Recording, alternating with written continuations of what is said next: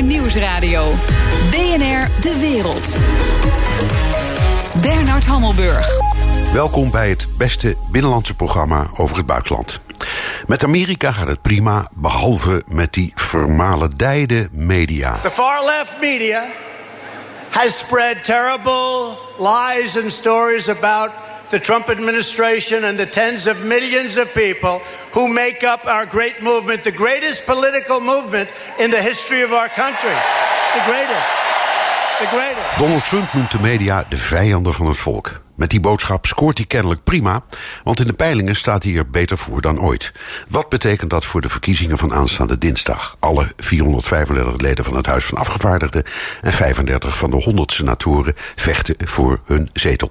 Ik praat er hier in New York over met mijn gast Dirk-Jan Epping, journalist, oud-Europarlementariër en columnist voor onder andere de Volkskrant. Welkom. Um, Eerst even over die media. Jij en ik maken daar met deel van uit. Jij schrijft onder andere voor de Volkskrant, ik werk voor BNR. Zijn wij nou de vijanden van het volk? Nee, het is niet zoals ik uh, dat voel. Uh, ik denk dat uh, het de taak is van de journalistiek om zoveel mogelijk uh, objectief de feiten in het juiste kader te plaatsen. maar bij Trump is het zo dat zijn stijl is confronterend. Hij zoekt eigenlijk altijd een tegenstander en die heeft hij gevonden in de media. En dat bedoelt hij voornamelijk eigenlijk de gevestigde media. Dus ja, maar niet, zijn wij ook. Niet, niet Fox News. En nee. dat onderscheid maakt hij. en hij heeft het ook altijd over fake news. Nu, nou, wat is fake news? Wat is niet fake news? Wat je in Amerika wel ziet, is dat de journalistiek een bepaalde ontwikkeling is ingegaan met Trump eigenlijk. Uh, waarbij journalistiek steeds meer campagnejournalistiek is geworden. Waarbij bijvoorbeeld Fox News, Fox News het opneemt voor uh, Trump en de meeste andere grote uh, zenders, ABC, CBS, CNN. MSNBC enzovoort, uh, die zijn tegen Trump. En uh, wat hij ook doet, hij zal het voor hen nooit goed doen. En vandaar dat dat vijandbeeld zich ontwikkelt. En dat grijpt hij ook aan bij zijn achterban. Want zijn uh, waarderingscijfer van ongeveer 50% van de bevolking vindt dat hij het redelijk doet. de, de media scoren lager. Dus het is een gevecht dat hij makkelijk kan winnen. En, en strategisch is dus, dus klaarblijkelijk het werkt. Het werkt wel, want uh, je ziet uh, dat uh, dat gevoel van fake news... ja, dat is een wereldbegrip geworden. Dat zie je nu overal. Nepnieuws in het Nederlands, maar het is tot, tot in Japan zie je het begrip. Even voor de duidelijkheid, jij bent een Republikeinen-watcher... of een sympathisant misschien, bewonderaar van Trump... Nou, ik zeg altijd Republikeinen-watcher. Ik ben daar tien jaar geleden mee begonnen. Omdat ik vond dat de Republikeinen te weinig aan bod komen uh, in de verslaggeving en in Nederland.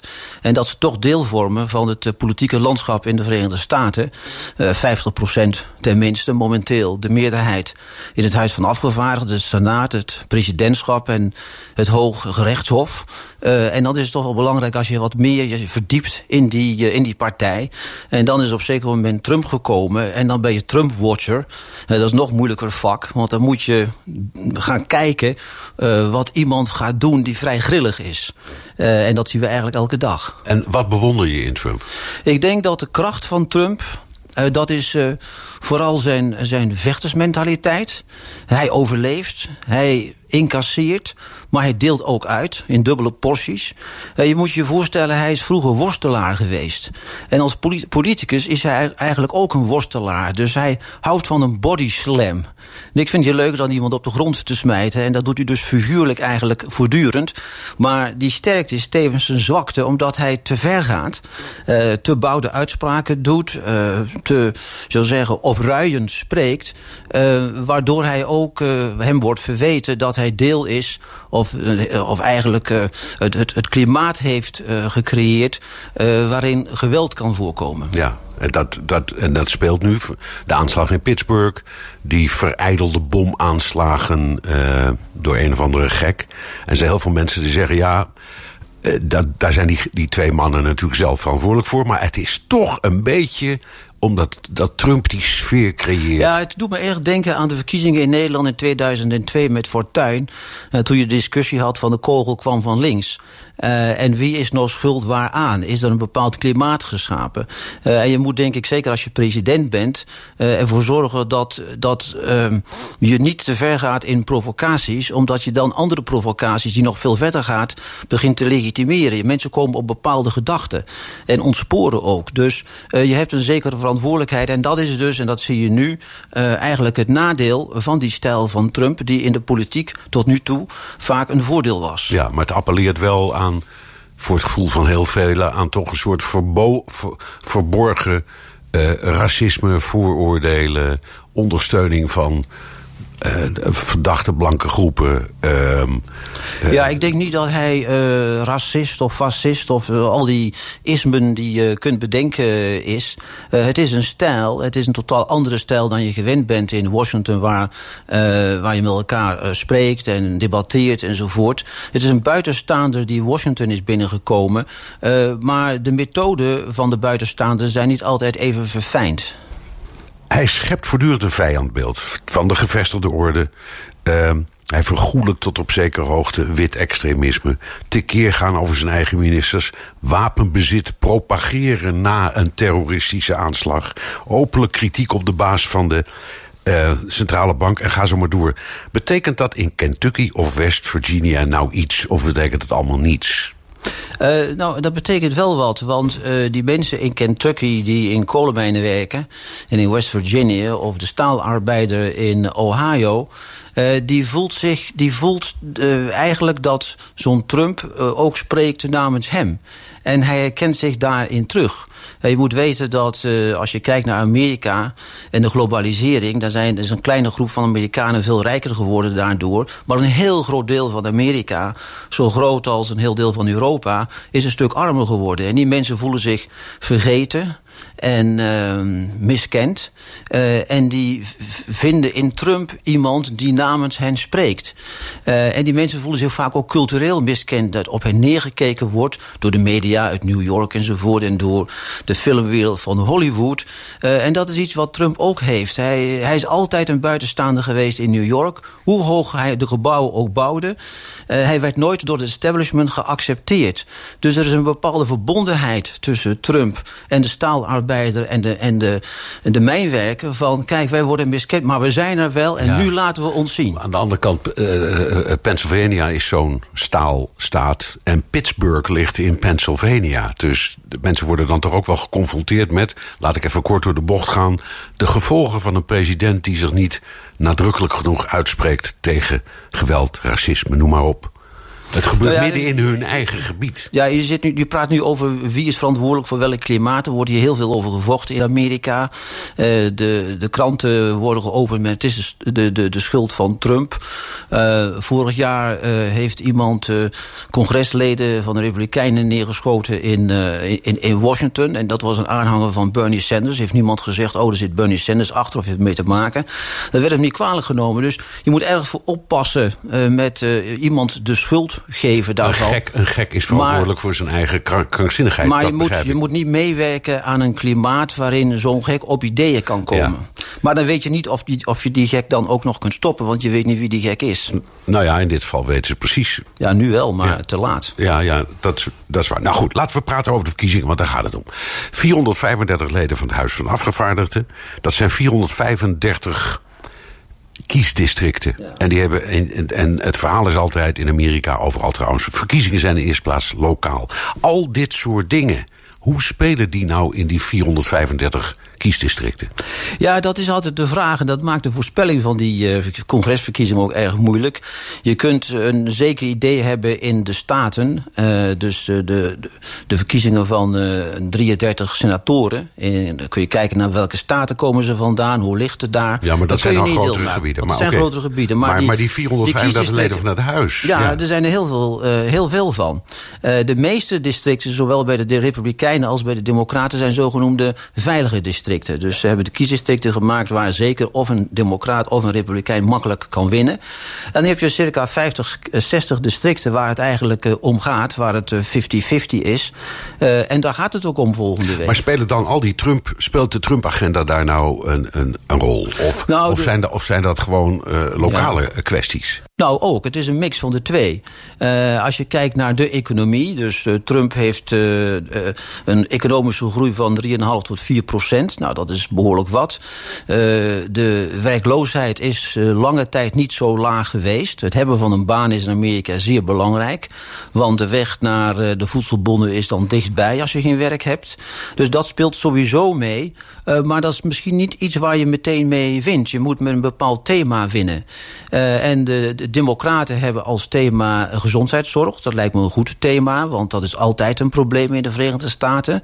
En Trump komt met het uh, thema uh, immigratie. Dus je ziet wel dat er beïnvloeding is van buitenaf. Maar zo'n kiesdistrict kijkt ook van, ja, wat gebeurt er hier in, in dit district? Heeft de zittende parlementslid, uh, congreslid, genoeg voor ons gedaan? Uh, is hij geen vlierenfluiter die feest heeft in Washington D.C. en daar rondhangt met lobbyisten en zijn zakken vult? Of is hij hier voor ons? Dus zo'n zo'n congreslid wordt heel, heel scherp beoordeeld. Uh, hij heeft elke twee jaar, dus een, een list van het huis heeft elke twee jaar een verkiezing, nog allemaal eens aanstaan. Ik heb vijf jaar in het Europees Parlement gezeten, maar elke twee jaar een verkiezing. Daar moet je ook weer geld voor hebben. Dus je bent ook constant met fundraising bezig, omdat je misschien wel een miljoen of twee miljoen nodig hebben om herkozen te worden. En voor iemand in dat, om in dat district in te breken, die heeft nog meer geld nodig. Uh, dus, dus, het is, er worden hoge eisen gesteld aan een kandidaat wat dat betreft. Zo dadelijk het arsenaal aan verkiezingswapens van Donald Trump en zijn Republikeinse partij. BNR Nieuwsradio. BNR De Wereld. Mijn gast Dirk-Jan Epping, journalist, oud-Europarlementariër en columnist voor onder andere de Volkskrant. Geen indrukwekkend arsenaal bij de Democraten. Hoe zit het bij de Republikeinen? Nummer 1 met stip de karavaan. These are some bad people coming through. These aren't babies. These aren't little angels coming into our country and going to, you know, go to work for Boeing, do a great job. These are some hardened criminals coming in. And we're not letting them in. Duizenden migranten uit Latijns-Amerika trekken naar de Mexicaans-Amerikaanse grens. Volgens Trump krioelt die karavaan van misdadigers. Het is een invasie van gangs en ongure types uit het Midden-Oosten. En dus gaat er een troepenmacht heen van 5200 soldaten. Dirk-Jan, als je de beelden ziet van die karavaan, dat is toch geen invasie? Nou, het is geen invasie van een groot leger. Uh, maar als je de beelden ziet, uh, dan zijn ze zo dat, je, dat je de indruk krijgt dat er een enorme mensenstoet naar de Verenigde Staten komt. Ongeveer vergelijkbaar met, uh, met de mensenkaravaan in 2015 in Europa. Amerikanen hebben een beeldcultuur en ze zien dat beeld en ze denken: oh, die mensen komen allemaal bij ons. 7000 en als ze binnen, binnenkomen, als ze er zijn, dan komen er nog meer karavanen achteraan. Oké, okay, maar en dat, paar... is de, dat is, het, okay, dat is de angst. Dus wat je hier hebt, wat hij je heeft hebt, het over een invasie van in feite van tuig en misdadigers. En Nou, dan zie je die beelden. En dat, dat zijn doodgewone mensen. Er zit toch helemaal geen. Uh, nou, uh, kijk, er zitten natuurlijk toch. Het grootste gedeelte is mensen die vluchten uit armoede. Dat moet je zonder meer erkennen. En als ze een aanzoek zouden doen, een verzoek voor een, voor een werkvisum of zo. dan zouden ze die misschien op wettelijke manier ook kunnen krijgen. Maar de Amerikanen zitten ook met, met illegale immigratie uit die gebieden. die hebben geleid tot jeugdbendes in de grote steden. MS-13 heten die. Dat zijn volledige getatoeëerde figuren uit El Salvador en uh, Guatemala, Honduras. Uh, en die terroriseren delen van, van steden, buitenwijken enzovoort. Van grote steden, ook trouwens in New York, Long Island. Um, en daar is men ook bang voor. Dus je krijgt twee thema's samen. Ten eerste immigratie. We komen al die mensen hier doen. Komen maar zo over de grens aanzetten. En het tweede misdaad in grote steden. Dat heb, dus wat Trump hier doet is eigenlijk een tweeklapper maken... met immigratie Maar en is- misdaad. Ja, maar het is duidelijk framing. Eh, want je is- kan ook zeggen, oké, 7000, ja, dat is misschien Ja, wel veel. Maar, maar dit, dit land heeft 320 miljoen inwoners, kom op Ja, zeg. maar elke verkiezing is framing. Ja. Dus je framet je onderwerp. En dat doen de democraten ook. Maar Trump, Dus- Trump is getrouwd met een Oost-Europese immigrante. Zijn moeder was Schots. Zijn vader was van Duitse afkomst. W- Wat heeft die man toch tegen immigratie? Eh, ja, ik, eh, kijk, als, als men in die tijd zo streng zou zijn geweest als nu... Dan Als hij wil. Als hij wil, zou hij, zou hij nooit hier hebben gewoond tenminste. En, zeker, en zijn vrouw zou hier niet binnen zijn gekomen waarschijnlijk. Zijn eigen moeder zou het waarschijnlijk Nee, niet hebben gered. nee, misschien was hij er wel zelfs nooit geweest. Nee. Dus, eh, maar het, Maar het is, toch, men- het is toch vreemd dat iemand die het, het, het voorbeeld is van een geslaagd immigrantenzoon. En getrouwd is met een geslaagde immigrante. Hoe je verder, verder ook denkt. Dat die juist op dit punt tegen zijn eigen volk zegt: ja, maar dat kan eigenlijk niet.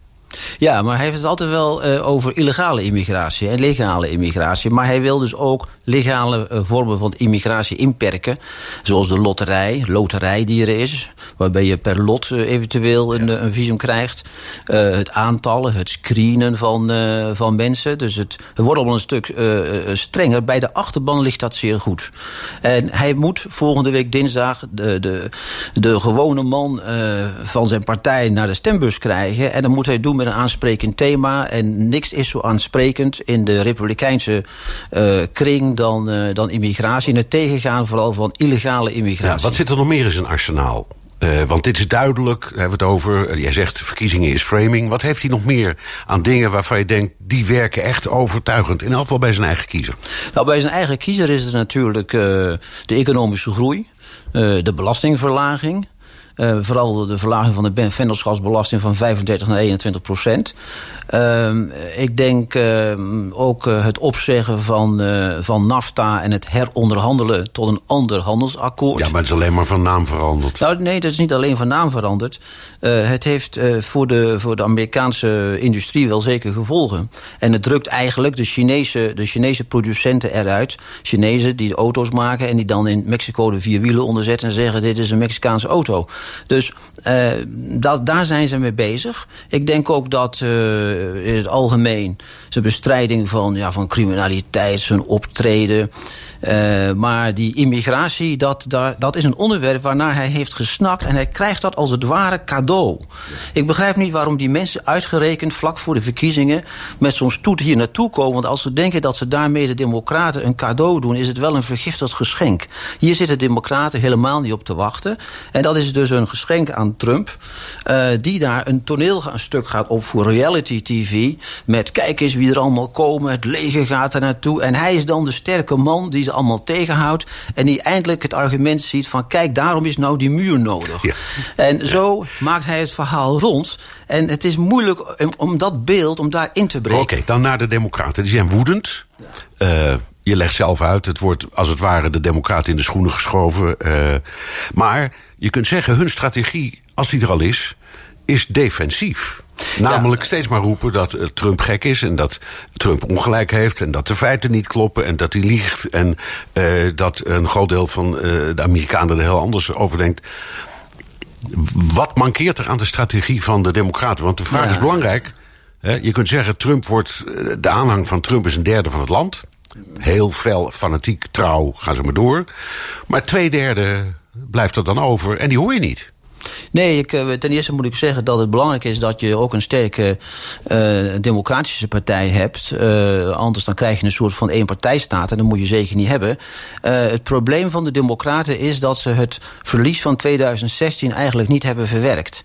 en men zit in een soort van, van, van depressie. En de democraten die hebben eigenlijk maar één thema en dat is anti-Trump. Uh, het heeft lange tijd geduurd voordat ze met het thema gezondheidszorg kwamen, waar ze veel eerder mee hadden moeten beginnen. Maar nu op het laatst komen ze er daarmee. Uh, en en dat, is, ze... dat is hun wapen. Hè, ja, dat is hun wapen. En daarmee proberen ze het immigratieonderwerp, dus de karavaan, van de agenda te drukken. Of dat lukt, dat weet ik niet. Maar ze hadden daar eerder mee moeten beginnen. En ze zijn erg lang blijven hangen in dat anti-Trump-sentiment. Ook omdat ze de valse hoop hadden dat uh, Trump zou worden afgezet door een impeachment. Dat uh, de heer Mueller daarvoor zou zorgen met zijn onderzoek. Dat hij gek zou worden verklaard. Of wat dan ook. En sommigen hebben misschien, zeker in de culturele circuit van Hollywood, gehoopt op een moord aanslag of iets dergelijks. Uh, ja, dat is allemaal niet van, uh, van gekomen. En nu zitten ze met een Trump die misschien langer blijft dan ze denken. Even, even en daar hebben zij, geen, hebben zij geen strategie voor. Wordt hij herkozen over twee jaar? Nou, als het, als het is zoals het nu is, uh, denk ik wel, ja. Okay. Um, er zijn heel veel, ik stel de vragen omdat het heel veel mensen, zeker eh, mensen die in Nederland luisteren, verontrust. Um, trouwens, in Amerika verontrust het ook een hoop mensen, merken wij hier dagelijks. Uh, maar je, je hoort ook een beetje het beeld van een soort dreigende burgeroorlog. En er zijn mensen die vergelijkingen trekken met Duitsland in 1933, waar een president zoveel macht heeft uh, dat hij door via decreten en, en allerlei trucs de zaak naar zich toe trekt, in feite het parlement uitschakelt, uh, een, een rechtse dictatuur probeert te vestigen. Hoe realistisch is dit? Ik vind dat persoonlijk niet realistisch. Uh, ik kan me voorstellen als je in Nederland woont en je kijkt naar de berichtgeving dat je dat idee uh, krijgt. Omdat het natuurlijk bepaalde uh, beelden zijn die, die worden gepresenteerd. En situaties die worden beschreven. Maar Amerika is een land met enorme sterke instellingen. Uh, en de beste manier om uh, de heerschappij van een president te stoppen, dat is het winnen van verkiezingen. En daar, daar is dus waar de democraten zich op moeten storten. Met welke kandidaat kunnen ze, kunnen ze Trump verslaan? Als je kijkt naar de, naar, de, naar, naar de mensen die hier wonen, zoals jij en ik, wij praten op straat niet veel over politiek. ook niet met andere ouders op school. ook niet binnen families zelfs. omdat het te provocerend is. En er is makkelijk ruzies kunnen ontstaan. Dus mensen trekken zich een beetje terug in hun eigen kokon en houden de gedachten voor zichzelf. En je hebt een klein laagje in Amerika die constant dagelijks in de media en op televisie met elkaar ruzie maken. Ja, de belangrijkste vraag voor het laatst bewaard. Uh, de peilingen zeggen. Uh, de Democraten winnen het huis van de, op de Republikeinen. De Senaat blijft democratisch. Is dat ook de peiling van Dirk-Jan Epping? Ja, dat is een realistische peiling, zou ik zeggen. De, de kans is groter dat, uh, dat de Democraten uh, het huis nipt winnen. dan dat de, de Republikeinen het huis houden. Ze hebben wel een marge van 23 uh, zetels, de Republikeinen. Dus de, de, de Democraten moeten wel echt winnen. maar ik, ik denk dat, dat zij die kans hebben. Het wordt in ieder geval een, een nek-aan-nek strijd. En is het, zou dat gezond zijn in jouw ogen? Een democratisch huis, een republikeinse senaat in deze... Ja, ik denk dat de Republikeinen in rekening houden dat ze het huis verliezen. Het Senaat willen ze houden, want die is belangrijk voor de benoemingen van allerlei mensen in, in de regering, administratie ja, en het huis gaat over het geld. En het huis gaat over het geld en daar moet je dan over onderhandelen. En als je dus niet tot een akkoord komt, heb je geen begroting en dan heb je een shutdown. En dat kan ook een, een huis van afgevaardigden zich niet permitteren, zoals de Republikeinen trouwens zelf hebben gemerkt, eh, in de periode dat president Obama er zat. Dus je, mevrouw Pelosi en de heer Trump moeten dan tot een akkoord komen. Nou, dat is wel een zeer gezellige zitting. Dat kan wezen, maar het is misschien gezond voor het land of voor je gevoel uh, Het is voor de, denk voor het, het, het, zelfvertrouwen van de democraten belangrijk... dat ze weer één poot van de macht in handen kunnen krijgen. Om te beginnen, zoals dat bij de Republikeinen was in 2010... toen ze eindelijk ook eens een keer een poot binnenkregen... nadat ze in 2008 zo verloren. Dank. Dirk-Jan Epping, journalist, oud-parlementariër en columnist... voor onder andere de Volkskrant. BNR Nieuwsradio. BNR De Wereld. Bernard Hammelburg. Migrantencaravaans, de linkse fake news, media en Trump. We blijven nog even bij de Amerikaanse verkiezingen. The Donald Show. Het is tijd voor een campagne-update over de United States of Trump met Jan Postma, onze correspondent in Washington. Jan, Trump is aan de eindsprint. Jazeker, elf campagnes, uh, campagne-evenementen en dat in zes dagen. Dus hij doet er soms uh, twee per dag. En als je dan kijkt naar welke staten hij op dit moment gaat, dan lijkt het vooral uh, dat hij zich behoudt op het behouden, of dat hij zich richt op het behouden van de Senaat. En dat dit Huis van Afgevaardigden een beetje laat zitten. Dat lijkt hij al een beetje op te geven. Dus een beetje in lijn met de peilingen. Um, ook qua retoriek heeft hij de turbo flink aanstaan. We hadden het uh, straks uh, over immigratie, dat die als belangrijk onderwerp gekozen is. Daar houdt hij ook aan vast hè, in deze laatste dagen. Ja, eh, in die speeches, uh, ook eerder waar, waar je het met Dirk-Jan Epping al over had. Maar gisteren kwam er ook een heel heftig campagnespotje uit. dat was van de Trump-campagne. immigratie staat er ook centraal en echt op een keiharde manier. Je ziet een man in een rechtbank, een Latino uiterlijk, die zegt dat hij een politieagent heeft vermoord en er ook wel meer wil vermoorden. Hij, hij lacht daar ook nog wat sadistisch bij. En dan komt in beeld: dit laten de Democraten toe. Het, het is wat moeilijk te verstaan, het is nogal een visueel spotje, maar voor het gevoel toch even the only thing I get revenge is if I get killed too. I wish if I can kill more of those motherfuckers. Kill more cops too.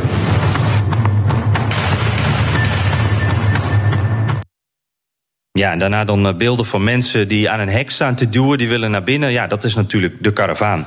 Ja, en eh, die migrantenkaravaan speelt een hoofdrol in Trumps campagne.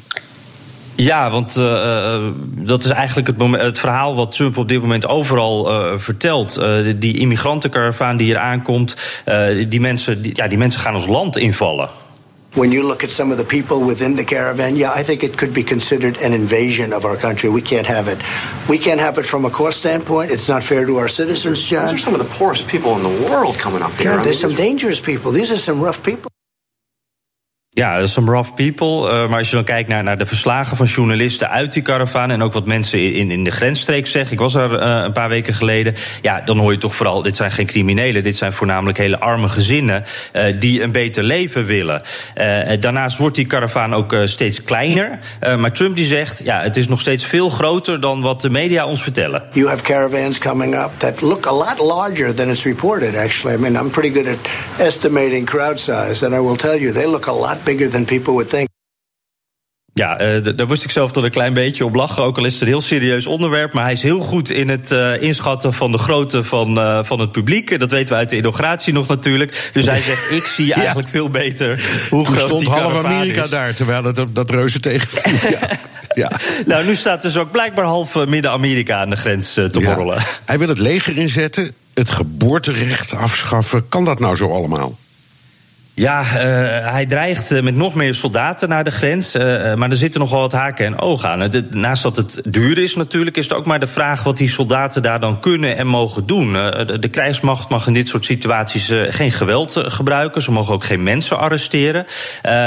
ja, dus experts zeggen, ja, wat, wat gaan die soldaten daar doen? Maar Trump die zegt dan, dit is een noodsituatie en dat verandert eigenlijk alles. En een beetje hetzelfde geldt voor het geboorterecht. als je in de VS geboren wordt, dan heb je het, het recht om Amerikaan te worden. Maar daardoor is een kind krijgen ook voor veel immigranten een soort sleutel geworden naar het staatsburgerschap. En dat, dat is voor veel Amerikanen een, een soort weeffout in het systeem. Trump wil dit afschaffen, maar daar is ook weer een juridisch probleem. Want uh, daarvoor moet je eigenlijk de, de, de, grondwet veranderen. En Trump zegt dan, ja, dat kan. Uh, maar ja, als hij dit door gaat zetten, dan moet dat eerst door tot het Hoge Rechtshof. En dan zijn we zo maanden, misschien wel jaren verder voordat daar een besluit over is. Werkt het nu? Uh, want daar gaat het natuurlijk om in de verkiezingsrace, deze ja. boodschap. Nou ja, ik, ik, moet zeggen, ik was uh, dus een paar weken geleden uh, in de grensregio. Dat is natuurlijk niet uh, exemplarisch voor heel Amerika, maar ik sprak daar veel Trump-supporters. En ik moet zeggen, ja, dat geboorterecht bijvoorbeeld, dat is iets wat echt voor veel mensen wel iets. iets ja, dat, dat geeft voor veel mensen wel een soort onderliggend fout, foutje in het systeem, waardoor ook zoveel illegale Amerikanen op dit moment ja, verstopt in het land zitten, zullen we maar zeggen. dat is echt een onderwerp dat wel resoneert. En ja, ook die karavaan. Ook al hoor je toch hele andere uh, verhalen uh, over hoe gevaarlijk die immigranten zijn. Er zitten natuurlijk altijd uh, ook criminelen of dat soort types tussen. Je weet dat nooit helemaal. Maar in grote lijnen zijn dat vaak toch meer arme gezinnen. Mensen die op zoek zijn naar een beter leven. Maar toch is dat ook in de grensregio echt iets wat onder Trumps achterban ja, heel erg resoneert. Waar ze echt wat mee kunnen. En, en dat is ook waar Trump voor gaat. Die wil die mensen motiveren dat ze naar de stembus gaan. En ja, dat democratie democraten en wat meer gematigde kiezers dit misschien minder belangrijk vinden, dat maakt hem eigenlijk niet zoveel uit. Dankjewel, Jan Postma, correspondent in Washington. BNR Nieuwsradio. BNR De Wereld. De Oostenrijkse regering sluit zich aan bij Viktor Orbán en Donald Trump. Ook in Wenen weigeren ze akkoord te gaan met het VN-migratiepact. Een aantal afspraken waarmee bijna alle landen in de wereld meer grip op migratie proberen te krijgen. Ook binnen de Haagse politiek leidt dit onderwerp tot verhitte discussies. Europa-verslaggever uh, Jesse Pinster. Dit is een vrijblijvend migratiepact, zoals alles wat door de VN wordt, uh, algemene vergadering wordt besloten. Het is door 133 landen goedgekeurd. Waarom maakt Oostenrijk hier zo'n punt van? Omdat ze zeggen dat hun soevereiniteit wordt aangetast. Dat ze uh, niet meer zelf kunnen beslissen over of ze wel of niet migranten binnenlaten. Maar zoals je al zei, ja, het is niet juridisch bindend. Het staat zelfs expliciet in de tekst dat de landen zelf uiteindelijk de beslissingen zullen gaan nemen. Maar voor Hans Christian Strache, minister en leider van de rechtse regeringspartij FPÖ in Oostenrijk, is dat geen reden. Oostenrijk zegt nee. Nee, ze zeggen duidelijk nee. En daarmee sluiten ze zich inderdaad aan bij het Donald, eh, het Amerika van Donald Trump, het Hongarije van Viktor Orban. Maar ook landen als Polen en Denemarken die overwegen om uh, niet hun krabbel hieronder te gaan zetten. Nee. En hoe denkt het Binnenhof hierover? Ik heb de indruk dat een meerderheid eh, toch wel akkoord wil gaan. Maar als je naar de rechtervleugel gaat, de PVV, de SGP ook wel. Maar met name het Forum van Democratie, dan hoor je toch een beetje de Oostenrijkse argumenten. De reden is dat je controle kwijtraakt over de immigratie vanuit Afrika naar jouw eigen land. Daarom wil Forum voor Democratie dat ook Nederland dat verdrag niet ondertekent. Ja, Thierry Baudet van het Forum voor Democratie. En dan hoor je dus inderdaad hetzelfde argument. Terwijl ja, dat toch eigenlijk niet klopt als je de tekst heel goed leest. Want uh, ja, als dat wel zo was geweest? Zouden geen enkele kans van slagen hebben gehad op het moment dat ze ook maar de geringste juridische verplichting hadden. Want dan haakt iedereen af. Ja, dan was het pak er nooit gekomen volgens staatssecretaris Mark Harberts. Maar de forumleider Baudet, die, uh, ja, die blijft gewoon driftig doortrommelen op deze angsttrommel. Er mag geen collectieve uitzetting meer plaatsvinden. Geen detentie van immigranten. Wel basisdiensten moeten worden aangeboden. Dus de pers de... moet positief gaan berichten over immigratie. Laten we die laatste heel even erbij pakken. Pers moet positief gaan berichten. Ik heb de tekst nagelezen. Wat er staat is dat ze uh, willen gaan promoten dat er objectieve, kwalitatieve verslaggeving komt. Kan je afvragen of de Verenigde Naties zich daar nou mee moeten bemoeien. Maar als je het tegenovergestelde bekijkt, ze zeggen van ja, we moeten wat we tegen willen gaan is racisme, xenofobie, discriminatie. Dus eigenlijk wat je in fake nieuws vaak terugziet. Nou, dan denk ik even bijvoorbeeld aan Myanmar, waar er heel veel geweld is tegen de Rohingya-minderheid. Dan snap je die zin in die tekst misschien ook wel. Ja, um, het is vrijblijvend, zei je al. Uh, ja. Dus waarom maakt iedereen zich zo druk? Uh, om, deels omdat het migratie is en daar is het sowieso uh, zeer gepolitiseerd. De discussie wordt daar nog wel eens met halve en hele leugens uh, gevoerd. Maar ik ben toch ook even met wat wetenschappers gaan, gaan, gaan bellen... die dus nou, dat benadrukken. Het is geen verdrag, het is niet bindend.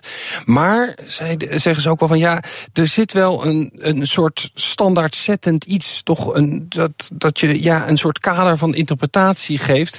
En dus de vrees is niet helemaal onterecht. Maar ja, wat er in die tekst staat, zijn eigenlijk allemaal mensenrechten die we hier al zoveel mogelijk in ieder geval proberen te respecteren. Ja, dus, maar hoe dan ook, Europese Unie opnieuw verdeeld. Ja, zoals dat vaak is bij migratie. En dat zit uh, natuurlijk de voorzitter van de Europese Commissie, Jean-Claude Juncker, dan ook niet lekker. Ik bedauere dat zeer, dat de Europese Unie in deze Zukunftssubstanzfrage niet met einer äh, Sprache reden äh, kan. Ja, dus niet met één stem spreken. En het is natuurlijk, Europa is bezig met vluchtelingendeals die ze willen sluiten met landen in Afrika. En ja, je geloofwaardigheid doet het natuurlijk geen goed als die landen straks wel dit pact ondertekenen en die Europese landen dat niet doen. En daarnaast gebruikt Juncker dit om een voorstel wat hij eerder gedaan heeft, toch nog maar eens op de agenda te zetten. Dat buitenlandbeleid van de EU, dat dat af moet van die unanimiteit die er moet zijn bij besluiten. Dus dat een, dan wil hij naar een gekwalificeerde meerderheid toe. Dus ja, dan krijg je ineens dat sommige landen toch niks te zeggen hebben over het buitenlandbeleid. En in dat geval, dan is de soevereiniteit van landen zoals Oostenrijk wel echt in gevaar. Dankjewel, Europa-verslaggever Jesse Pinster. En zo dadelijk, die koude oorlog tussen Rusland en het Westen, kan dat een hete oorlog worden? BNR Nieuwsradio. BNR De Wereld. Raken Rusland en het Westen verstrikt in een nieuwe koude oorlog? We don't want a new Cold War. Uh, we don't want a new arms race. Uh, and we don't uh, want to isolate Russia. Volgens NAVO-secretaris-generaal Stoltenberg wil het Westen geen spanningen met Rusland. Maar de Amerikanen dreigen het INF-verdrag over middellange afstandsraketten op te zeggen.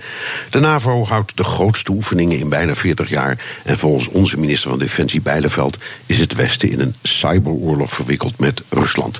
Ik praat over dit alles met Sven Koopmans, buitenlandwoordvoerder voor de VVD in de Tweede Kamer. Dag meneer Koopmans. Goedemiddag. Is het allemaal grootspraak? Uh, zien we hier een nieuwe koude oorlog of zitten we op de rand van een hete oorlog? Nou, kijk, toen uh, de minister van Defensie sprak over een cyberoorlog, denk ik, wilden ze gewoon aangeven de realiteit dat we hier een, daadwerkelijk een bedreiging hebben van de Russen. Ze spioneren. Ja, dat is, heeft het ook weer een beetje teruggenomen, dat weet ik wel. Maar goed, het gaat om de sfeer en om hoe, hoe echt, hoe realistisch al die geschetste spanningen zijn.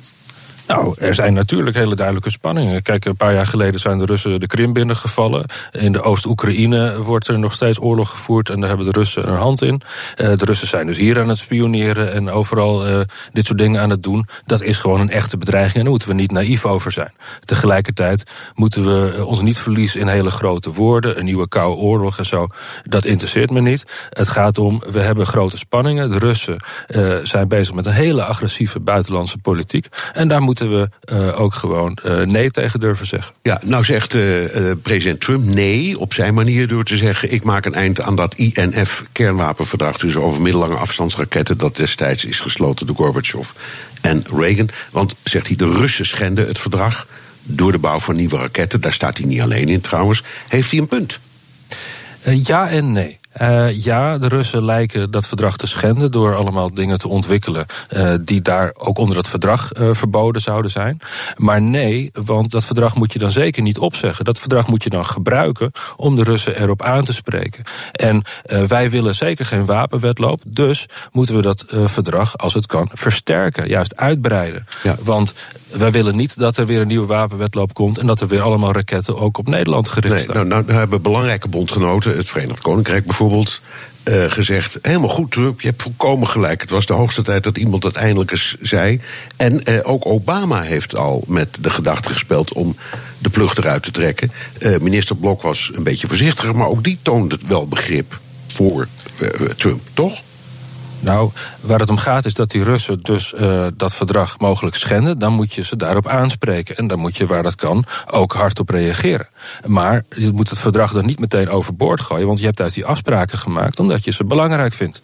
En dat je wil dat iedereen zich eraan houdt. Dus dan zeg je niet, nou laten we die afspraken dan maar opzeggen. En nee. iedereen weer gewoon doen wat hij wil. Het lijkt nee. me volkomen plausibel wat u zegt. Uh, Dank u wel. Als, je, als het verdrag je niet bevalt, dan zeg je jongens, het moet beter. Maar je gaat er niet vanaf. Nou zeggen de Russen, die hebben ook wel een punt. Die zeggen ja, maar jullie zijn begonnen met het plaatsen van een raketsysteem in uh, Roemenië. Je wil een nieuw raketsysteem in Polen. Um, en dan roepen jullie wel, ja, maar dat is helemaal niet tegen jullie, dat is tegen Iran en dat soort dingen. En de Russen zeggen dan, begrijp ik ook wel, Amohula, dat is gewoon tegen ons, toch? Nee, een raketschild is toch iets anders dan uh, raketten gericht op andere mensen. Kijk, een schild is om je te verdedigen tegen raketten die bij jou binnenvallen. Uh, en dat lijkt mij heel logisch dat we alles doen om onszelf veilig te houden tegen alle raketten die bij ons kunnen binnenvallen. Dat is iets anders dan raketten hebben die bedoeld zijn om weer bij die mensen uh, binnen te vallen. Dus wij willen ons verdedigen en daar kunnen we een, hopelijk een raket uit de lucht schieten. Maar het staat niet gelijk aan dat wij raketten hebben die wij vervolgens in Moskou willen laten nee, nee maar, maar, maar u, u, weet ongetwijfeld, u kent de gevoeligheden van de Russen die zich altijd toch bedreigd voelen door het Westen. En ik, ik kan me voorstellen dat zij zeggen: ja, we horen jullie wel, maar we zien toch dat raketschild echt als een, nou ja, een aanval op onze integriteit. Dus daar moeten we iets tegenover stellen. Nou, ik denk niet dat het verstandig is om onszelf helemaal te ontwapenen. Omdat iemand anders zich bedreigd voelt door ons verdedigingsschild. Dus wij moeten ons gewoon inzetten voor onze verdediging. Maar dat de Russen zich bedreigd voelen, nou ja, laten we in gesprek zijn. En laten we dus niet, zoals de Russen nu doen, of heel hard schreeuwen of heel hard weglopen. Ja, even terug naar dat, dat verdrag voor de middellange afstandsraketten, want daar praten we over. De Russen zeiden al jaren geleden, al, al een jaar of tien geleden, dat dat dat verdrag moest worden aangepast. Dus die deden niet wat Trump doet. Die zeiden, wat u echt zegt, uh, we zouden er opnieuw over moeten praten. Want bijvoorbeeld, China zit helemaal niet in dat verdrag. Uh, dat was in de tijd dat Gorbachev en Reken erover spraken ook niet echt een factor, maar nu wel. Um, is dat ja. niet een middel om de partijen bij elkaar te krijgen? Van ja, iedereen heeft wel een punt, laten we gewoon om de tafel gaan zitten en opnieuw praten. Inderdaad, je moet kijken naar wat zijn de belangen van iedereen. Toen was China nog niet zo'n grote speler als nu.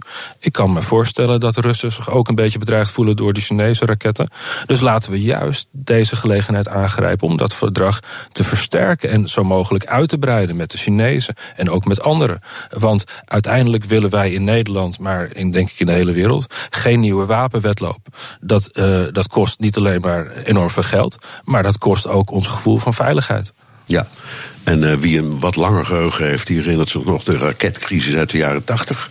Ging eigenlijk over hetzelfde thema. En gelukkig is dat toen net goed gekomen door dat INF-verdrag. Dan, anders hadden wij opgezadeld gezeten met 48 kruisraketten in Woensdrecht. dus, dus daar zijn we eigenlijk met de schrik vrijgekomen, toch? Het is heel goed dat we uh, die verdragen hebben om te voorkomen dat er iedereen het gevoel heeft dat hij weer zijn eigen raketten moet neerzetten.